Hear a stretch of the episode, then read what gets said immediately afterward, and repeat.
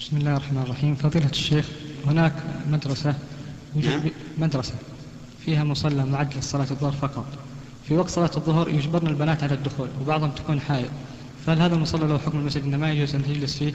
لأنهم يقولون إذا جلست في فصول ممكن أن يحدثون بعض الأشياء اللا أخلاقية فهل يعني ممكن يجبرنا على دخول المسجد؟ المصلى في المدارس ليس في حكم المسجد بل هو مصلى وليس ما تقام فيه الصلاة في مكان ما يعتبر مسجدا. المسجد ما أعد للصلاة على سبيل العموم وهيئ وبين وأما مجرد أن يتخذ مكانا يصلي فيه فهذا لا, لا يجعله مسجدا. وعلى هذا فيجوز للمرأة الحائض فيجوز للمرأة الحائض أن تدخل فيه وتبقى.